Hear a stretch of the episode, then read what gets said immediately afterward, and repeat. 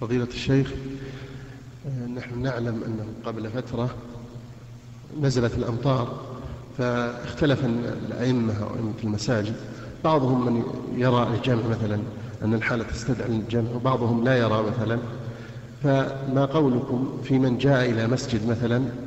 وهذا الإمام لم يرى أن الجو أو المطر يسوغ الجمع.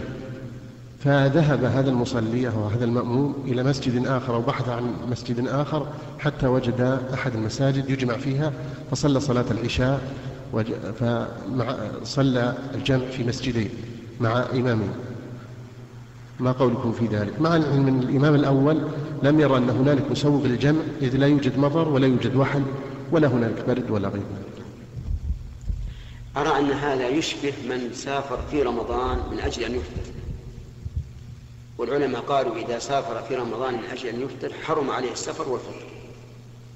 لأن هذا الرجل الآن ما ذهب يريد الرخصة. ربما يكون تعبه من من مسجد حيه إلى المسجد الثاني أكثر من تعبه إذا حضر إلى صلاة العشاء. لكن يريد أن يتخلص من الصلاة. فكأنه يقول أرحنا من الصلاة ولا يقول أرحنا بالصلاة. أرى أن مثل هذا إن لم تكن صلاته باطلة فهي إلى البطلان أقرب منها إلى الصحة. لأن هذا ما ذهب للجمع إلى المسجد الذي يجمع من أجل السهولة. إنما ذهب من أجل التخلص. وإلا فمن المعلوم أن السهولة إذا جاء إلى مسجده في وقت الصلاة مع قربه أفضل وأسهل له. فأنا في شك من صحة صلاته. ونصيحتي للمسلمين أن يتقوا الله عز وجل وأن يعلموا أن الله فرض الصلاة وجعلها كتابا موقوتا بوقت معين. لا يحل للإنسان أن يقدم الصلاة على وقتها وإذا قدمها لم لم تقبل منه.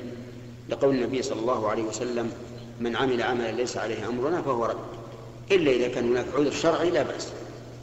ثم نقول لهذا الرجل اذهب الآن إلى بيتك وإذا أذن العشاء فإن كان عندك قدرة أن تحضر المسجد احضر وإن كانت السماء تمطر ويلحقك مشقة صل في بيتك.